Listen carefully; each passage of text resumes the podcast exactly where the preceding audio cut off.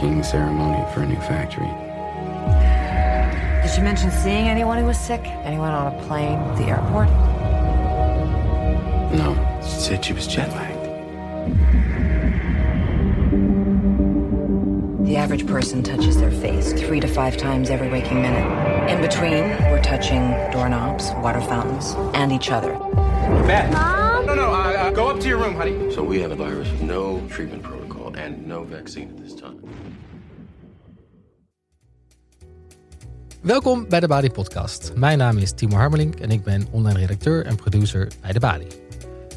Je luisterde net naar een fragment uit Contagion, een film van Steven Soderbergh uit 2011, over een virus dat zich over de hele wereld verspreidt en massale paniek veroorzaakt. Deze film won, samen met andere virusfilms zoals Outbreak en 28 Days Later, opnieuw aan populariteit toen het nieuwe coronavirus zich verspreidde. Inmiddels kijken we liever naar comedies, bleek onlangs uit het onderzoek van de NPO. Hoe beïnvloedt de coronacrisis ons kijkgedrag en zullen nieuwe films met onze radicaal veranderende samenleving er ook anders uit gaan zien? Vandaag praat programmamaker Emily Rhodes met filmcriticus en filosoof Dana Linsen. Ze schrijft al ruim 20 jaar voor het NRC Handelsblad en was tot voor kort hoofdredacteur van de Filmkrant. Een gesprek tussen Emily Rhodes en Dana Linsen.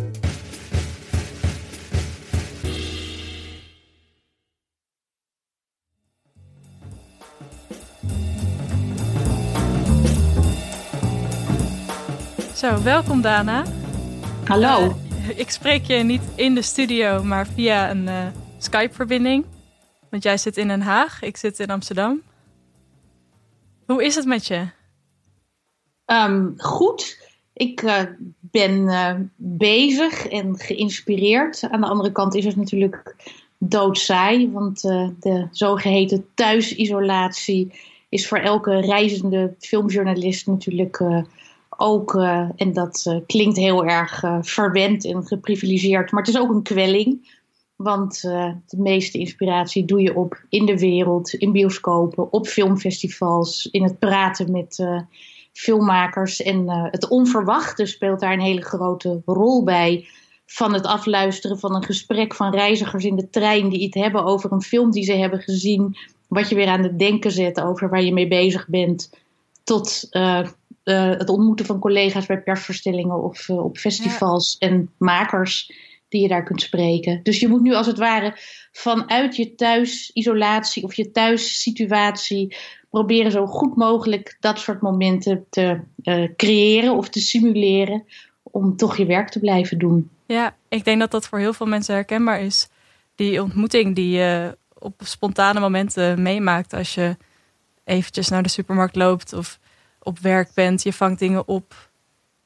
We, onderschatten, we onderschatten het belang eigenlijk van de, van de fysieke ruimte. En uh, ook al is de fysieke ontmoeting niet altijd uh, noodzakelijkerwijs dat je tegen iemand aanbotst. Wat we nu uh, denken, nu we steeds een, een, stap terug doen en, en terugdeinzen. Maar het ruimtelijk ontmoeten van mensen uh, is eigenlijk heel erg uh, belangrijk. Met name ook om, uh, om geïnspireerd te raken. En daarom heb ik ook ontzettende hekel aan de term sociale afstand. afstand of distantie. Want dan denk ik, dit is eigenlijk fysiek afstand houden tot elkaar om, om hele goede redenen. Maar eigenlijk moeten we juist dat sociale element blijven opzoeken en en, uh, en blijven uh, vieren ook. Want zonder dat kunnen we het ook in isolatie of, uh, of beperkte eenzaamheid niet volhouden. En hoe, hoe zorg jij daarvoor dat je niet socially distanced bent?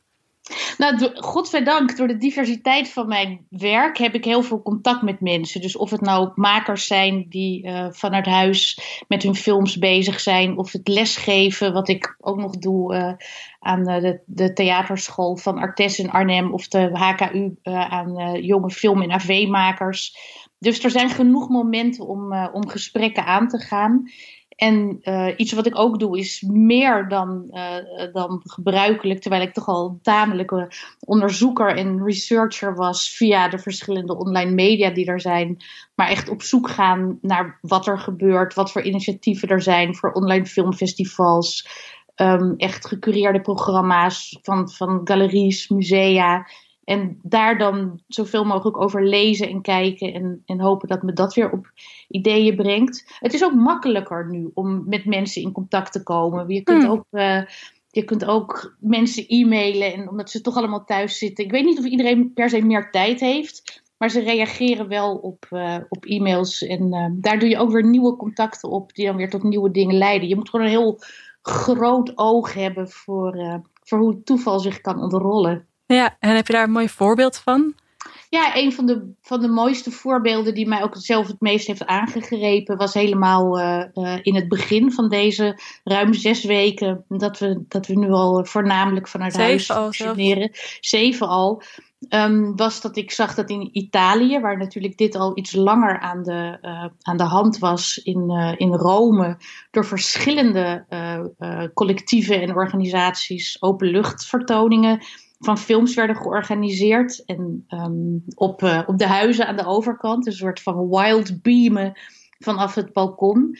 En toen kwam ik in contact met een van de collectieven die dat, eh, die dat doen, Regenera Roma. En, Wat eh, betekent dat?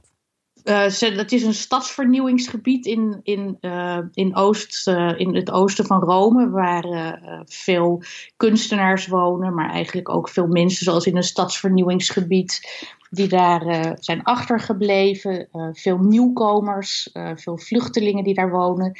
En deze, deze club of dit kunstenaarscollectief hebben zich als echt een sociaal collectief ook, eh, ook ontwikkeld. En die vertoonden dus, eh, dus films vanaf het balkon. En die schreven een, eh, een, een wedstrijd, kan je het eigenlijk niet noemen, maar een project uit van. aan, aan, gericht aan mensen overal ter wereld. Stuur ons je filmpjes van één minuut vanuit jouw eigen raam eh, gefilmd. En from your window to our screen. En die laten dat dan elke vrijdag zien voor de hoofdfilm die ze vertonen. Waardoor ze de wereld dichterbij brengen. Nou, dat vond ik een prachtig initiatief. Ja, heel mooi. En het kwam ook heel snel.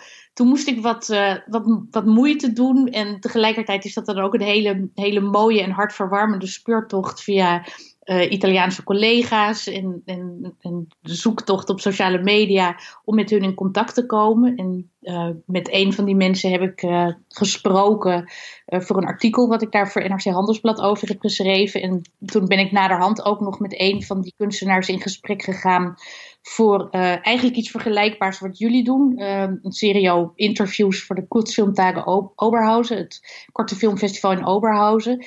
En ehm, dat, was, eh, eh, dat was via video. Dus je kijkt eh, via je scherm wat nu je belangrijkste venster op de wereld is ehm, naar iemand, in de ogen van iemand, of voor zover dat gaat via die webcams.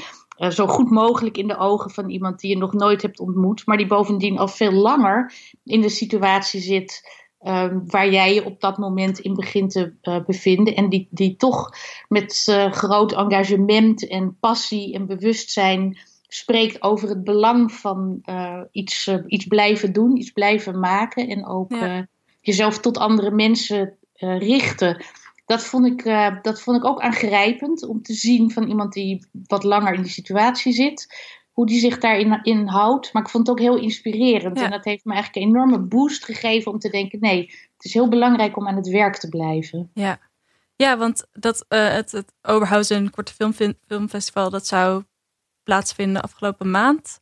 Nee, dat gaat plaatsvinden half mei. Oké. Uh, maar in, in, Amst- in Arnhem had je natuurlijk, of in Nijmegen, het Go Short Filmfestival, uh, wat een online uh, variant heeft gekregen. En dat is wat je hebt gezien vanaf half maart. Dat is natuurlijk alle festivals die op dat moment gepland stonden, zich bezighielden met de vraag: ja, is het uh, uitstellen, afzeggen of Mhm. is het zoeken naar een nieuwe vorm? Uh, Ja. Gelukkig bestaat online kijken al heel erg lang. Dus uh, dit was in alle gevallen ingewikkeld, maar niet onmogelijk om dat te organiseren. En het Korte Filmfestival in Oberhausen, die hebben iets meer tijd om dat te doen. En die hebben daar echt een heel contextprogramma omheen uh, georganiseerd. Ja, maar toch zijn er filmfestivals die zeggen: nee, die online variant, die kunnen we niet doen. En Ja, dan heb ik het de- natuurlijk over de over- Elephant in the Room. Kan. Precies, het Cannes Filmfestival, eh, waar alle ogen op, eh, op gericht waren en waar nu nog steeds een beetje een dubbelhartige houding is van oké, het is uitgesteld naar de zomer. Eh, is dat dan allemaal haalbaar en kun je daar anderhalve meter eh, eh, politiek aanhouden in, in zalen waar normaal 3000 mensen eh, zitten. Er wordt wel een beetje geflirt met de gedachte dat dan kan in Venetië, wat in september moet gaan plaatsvinden, wellicht samen iets moeten organiseren. Mhm. Maar afgezien van al die praktische en logistieke vragen voor die grote festivals, spelen daar nog andere dingen waar misschien de meeste filmmakers of filmliefhebbers zich niet eens zo mee bezighouden. Het zijn premièrefestivals, het zijn lanceerplatforms voor eh, films die eh, daarna in de grotere arthouses te zien zijn. Dus die een, een belangrijk eh, begin in die keten van eh, vertoning en distributie volgen. En niet al die films gaan nu automatisch naar eh, online platforms om vertoond te worden. Simpelweg ook omdat daar de economische belangen van film Mhm. vaak eh, zwaarder wegen, laten we zeggen, dan de artistieke. ehm, om te denken, oké, we hebben iets gemaakt, we gaan het naar mensen brengen. Maar het is het begin van een heel traject, van een festivaltraject, van een distributietraject. En ga je die mensen wel ehm, naar je online, virtuele, digitale bioscoop krijgen? Ehm, dat is één vraag. Maar de andere Mhm. vraag is natuurlijk ook de esthetische. Kun je een film die bedoeld is voor een donkere zaal, Mhm. een groot publiek met optimaal geluid, wel op dezelfde manier ehm, online eh, bekijken? Ja. Ja, dat is eigenlijk ook waar ik naartoe wil, het gesprek met jou, Dana. Die ervaring die je beschrijft, samen in een zaal zitten en een film op een groot doek zien, die is ons nu eigenlijk ontnomen. Eh, we kijken massaal thuis en in geïmproviseerde vormen alsnog samen. Hoe blijvend denk jij dat deze vormen zullen zijn? En in hoeverre zijn, vormen ze een vervanging voor wat we gewend zijn? Gaan, hoe gaat het hierna eruit zien? Gaan we weer terug naar het oude of blijven, we, blijven er dingen hangen? Ze waren er al. Ik denk dat een groot deel van het eh, consumeren van film en, en audiovisuele mediaproducties, want dan heb je het natuurlijk ook over series en over webvormen, ehm, dat, dat was al gaande. En eh, de grote streaminggiganten die waren zich al eh, na, laten we zeggen, eh, Netflix en, en, en Prime Video van Amazon waren zich al over Europa aan het eh, uitrollen.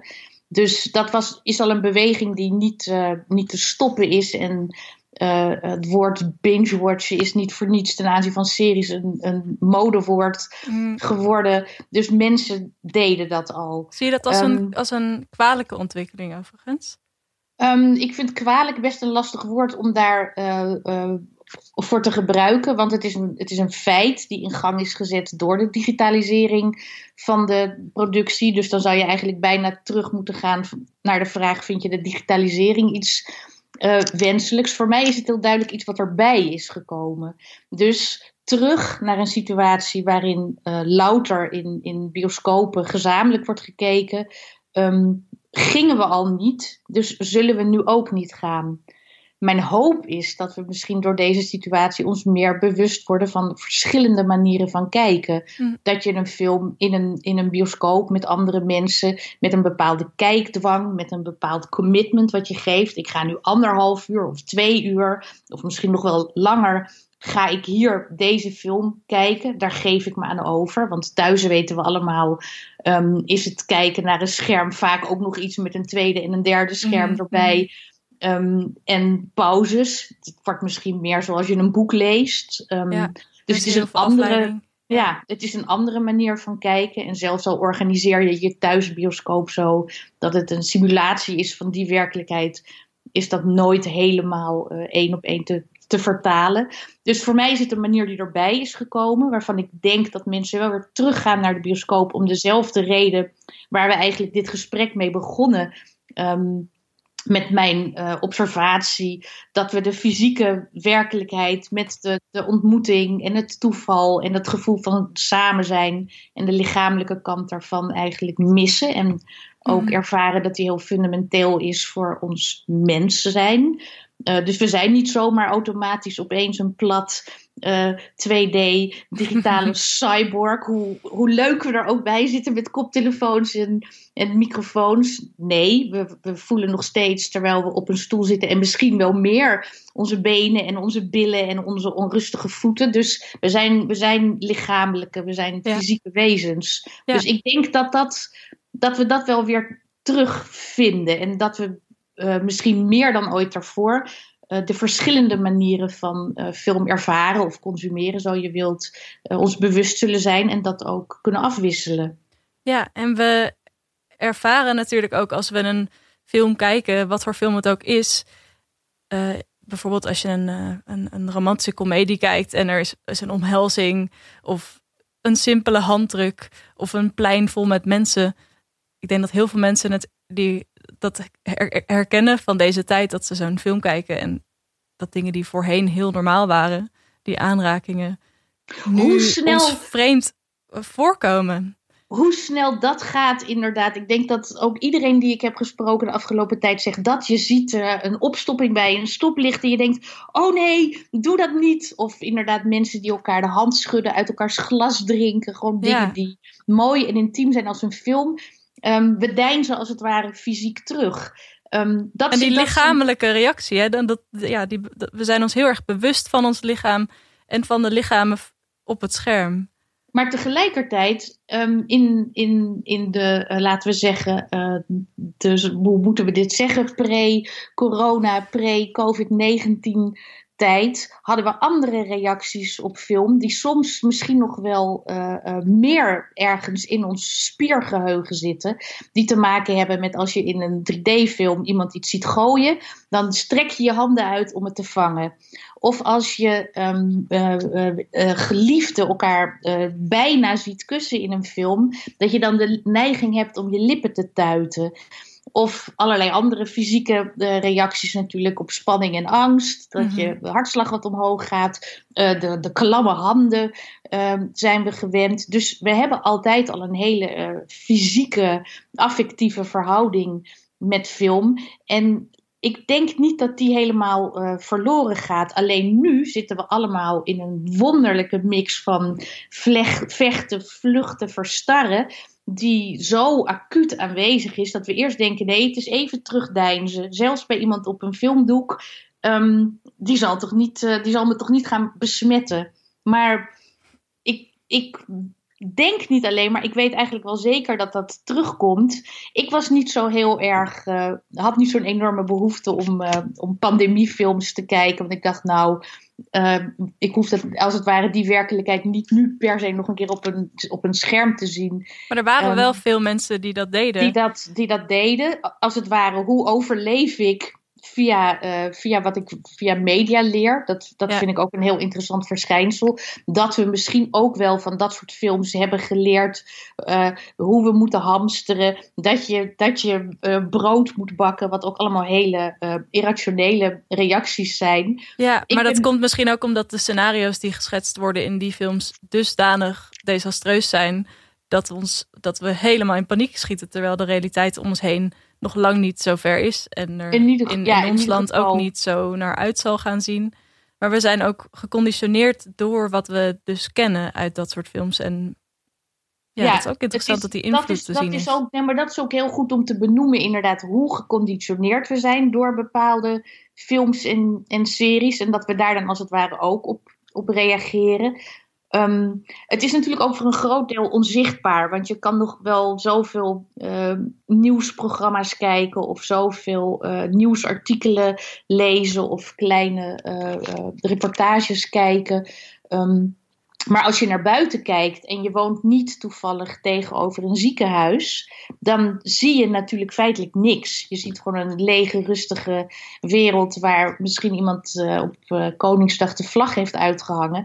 En dat is het. Maar er zijn natuurlijk andere plekken in onze leefomgevingen en in onze steden waar wel uh, noodgebied staat of waar wel geïmproviseerde inchecktentjes bij ziekenhuizen zijn uh, gebouwd. En als je daarop uitkijkt vanuit je raam, mm-hmm. heb je denk ik een heel, hele andere ervaring van, van de werkelijkheid. Dus um, de wereld is in die zin kleiner geworden. We zijn ons ook meer bewust van die bubbel waar we in zitten. Zo'n fijn uh, modewoord wat we, wat we gebruiken over onze nieuwsomgeving. Die is als het ware nu ook zichtbaar geworden.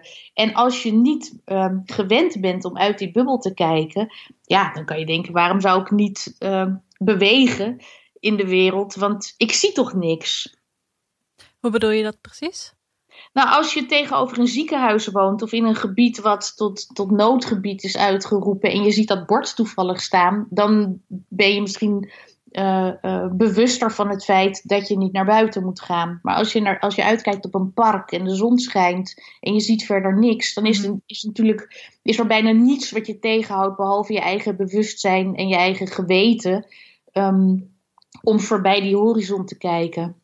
Ja, als je elke paar uur het nieuws tot je gaat nemen, dan neem je de situatie natuurlijk ook anders waar dan dus dat is, als je dat is jezelf eraan onttrekt. Ja. ja, maar dat is, een, dat is een enorm bewustzijn. En natuurlijk als professional in, in, in film en audiovisuele media en in de journalistiek is het een tweede natuur geworden om, om voortdurend die terugkoppeling te maken van hoe verhoudt de werkelijkheid die je waarneemt zich tot de werkelijkheid zoals die zowel via nieuws als via uh, fictie uh, gemedieerd wordt. Dus hmm. er is, er is altijd een, een soort loop, een soort terugkoppeling gaande van hoe verhouden die verschillende ervaringen van de werkelijkheid zich uh, tot elkaar. Voor mij als filmjournalist was dat altijd al iets wat me bovenmatig uh, interesseerde en waarom ik het ook zo belangrijk vind, nog steeds, om uh, straks weer de mogelijkheid te hebben om te kunnen kunnen reizen. Want dat gaat eigenlijk van, als je kijkt naar hoe een filmmaker um, in, in Roemenië het boerenleven heeft weergegeven. Natuurlijk hoef je niet per se op het Roemeense platteland geweest te zijn om, om te kunnen beoordelen of te kunnen invoelen uh, of dat uh, authentiek of representatief is. Maar het helpt wel. En het helpt niet alleen op een feitelijk, maar ook op een diep emotioneel niveau. Dus op dezelfde manier is natuurlijk, zijn al die rampenfilms en al die, die pandemiefilms, die hebben we meestal niet zelf meegemaakt. Zeker in, in grote delen van Nederland of West-Europa hebben we natuurlijk best hele uh, uh, rijke, royale, geprivilegeerde, uh, rustige levens kunnen, kunnen leiden. En de enige informatie die we hebben over, over werkelijkheden die niet alleen nu met deze pandemie, maar ook al daarvoor voor heel veel mensen aanwezig waren, waren via nieuwsmedia of via films, documentaires en series. Dus je referentiekader is, is eigenlijk is al gemedieerd. Het, is, het komt al uit bewegende beelden. En die terugkoppeling van maar hoe is het dan echt? Dat is soms heel belangrijk om te zien. Hoe is het dan echt? uh, in, een, in een vluchtelingenkamp? Of hoe is het dan echt ergens waar grote droogte heerst? En mm-hmm. ik vind een filmcriticus is ook, echt een, is ook echt een journalist en een ontdekkingsreiziger. En um, ja, het helpt enorm om, om ook de wereld die we dan misschien echt of werkelijk willen noemen, met eigen ogen te kunnen aanschouwen. Ja. Um, we zijn nu, we hebben ook een omslag kunnen zien dat mensen meer escapistisch aan het kijken zijn. Hoe plaats jij dat dan in, in dit kader? Want je, je beschrijft die noodzaak om, een, om, om ons, onze ogen open te houden via misschien wel films of documentaires. Uh, om de realiteit, om ons daar bewust van te zijn. Ja, film en film ook als onderdeel van kunst heeft natuurlijk ook altijd de functie al gehad van, van troost en vergetelheid. En um, even in dat, in dat bioscoop duister of in je, in je eigen zetel thuis kun je natuurlijk ook heel, heel plezierig die werkelijkheid vergeten. Dus het is een van de vele functies die film ook als, als bewegend beeldmedium heeft gehad. En dat heb, is ook iets wat je wel hebt gezien in, in bepaalde uh, periodes in de geschiedenis. Dat er, dat er uh, paranoia-films werden gemaakt, laten we zeggen, na de Nixon-tijd in de Verenigde Staten. En daarna juist uh, grote blockbusters die, uh, die de politieke problemen verplaatsen naar galaxies far, far away. Um, en um, als het ware op die manier je het gevoel gaven dat je daar even aan kon ontsnappen. Dat mensen willen, willen lachen en dat comedies populair zijn is ook heel begrijpelijk. Elke comedie is natuurlijk in, in diepste wezen tragisch, maar het is, het is een kleine omdraaiing van de werkelijkheid, waardoor je uh, via de bevrijdende lach, daar is uh, natuurlijk ook onderzoek naar gedaan, zowel door psychologen als over uh, gemijmerd door filosofen.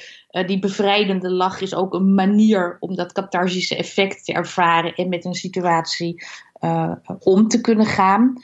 Um, je, hebt ook, je hebt ook gezien dat vlak voordat um, de, de, de, de Weimar-tijd in het interbellum in Duitsland ten einde kwam, dat er eerst heel veel films waren die je kon lezen als politiek geïnspireerd, maar op een metaforisch niveau. En dat er daarna ook een tijd kwam van hele onschuldige um, uh, vergetelheidsfilms. Mm. Nou ja, dat is een heel sterk voorbeeld ja. met met natuurlijk dat Amerikaanse voorbeeld. Dus dat zijn bewegingen die, ja. die volkomen logisch zijn. Dus, ja, dus er is een historische, historisch uh, antecedent hiervoor. Er, ja, dat, dat is van alle tijden. Dat is iets in ieder geval wat film heel erg heeft geboden. Natuurlijk. En dat is, ook, dat is ook het bijzondere aan wat, wat film is. Want het is niet alleen een, een kunstvorm, maar het is ook heel duidelijk een massamedium. En daarmee ook uh, geschikt om hele grote publieken uh, aan te spreken.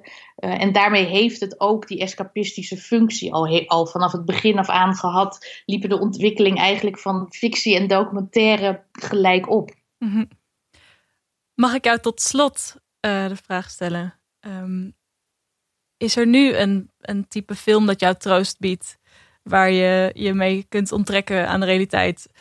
Uh, of doe je dat juist op een andere manier? En heb je nog een tip voor onze luisteraars? Nou, wat mijzelf is opgevallen, en dat is inderdaad heel erg uh, persoonlijk. Ik ben um, ook simpelweg door foto's die ik op sociale media uh, tegenkwam van uh, zwart-wit films uit de jaren 40.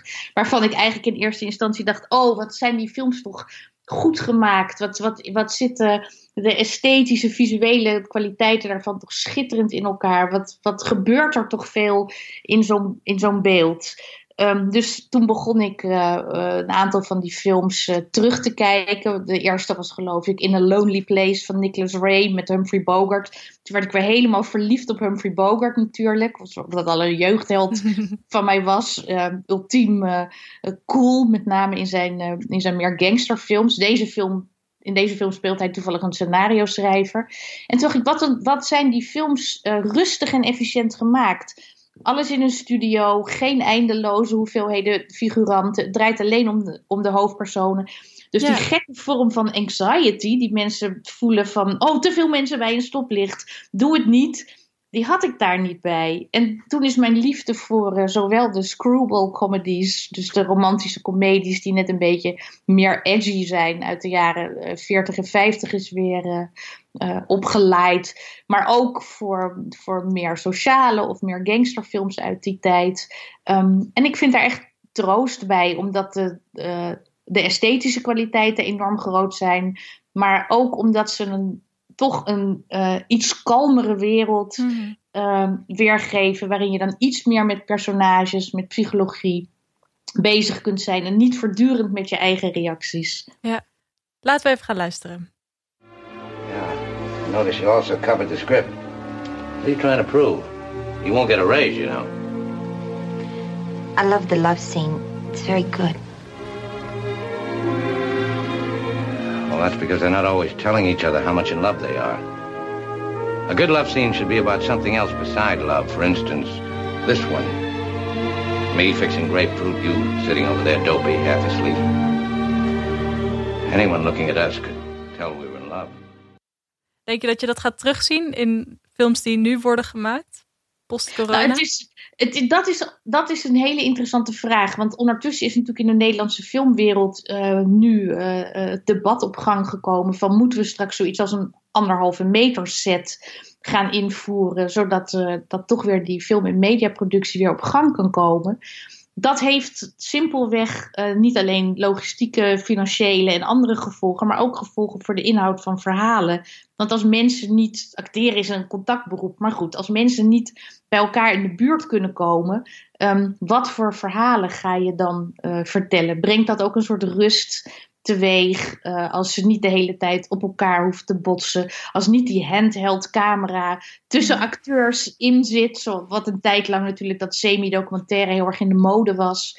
Um, maar als je op andere manieren moet filmen, meer van afstand, misschien weer meer uh, uh, statische shots. Wat zijn de verhalen die daarbij passen? Dus ik denk dat, dat een, een praktische situatie nu uh, in ieder geval ook weer dat soort inhoudelijke vragen zal gaan stellen aan, aan filmmakers. De vraag is natuurlijk, worden dat dan verhalen die gaan over isolatie? Want dan geldt misschien hetzelfde als met die pandemiefilms. Nou, even niet. Ik heb het nu wel genoeg gezien.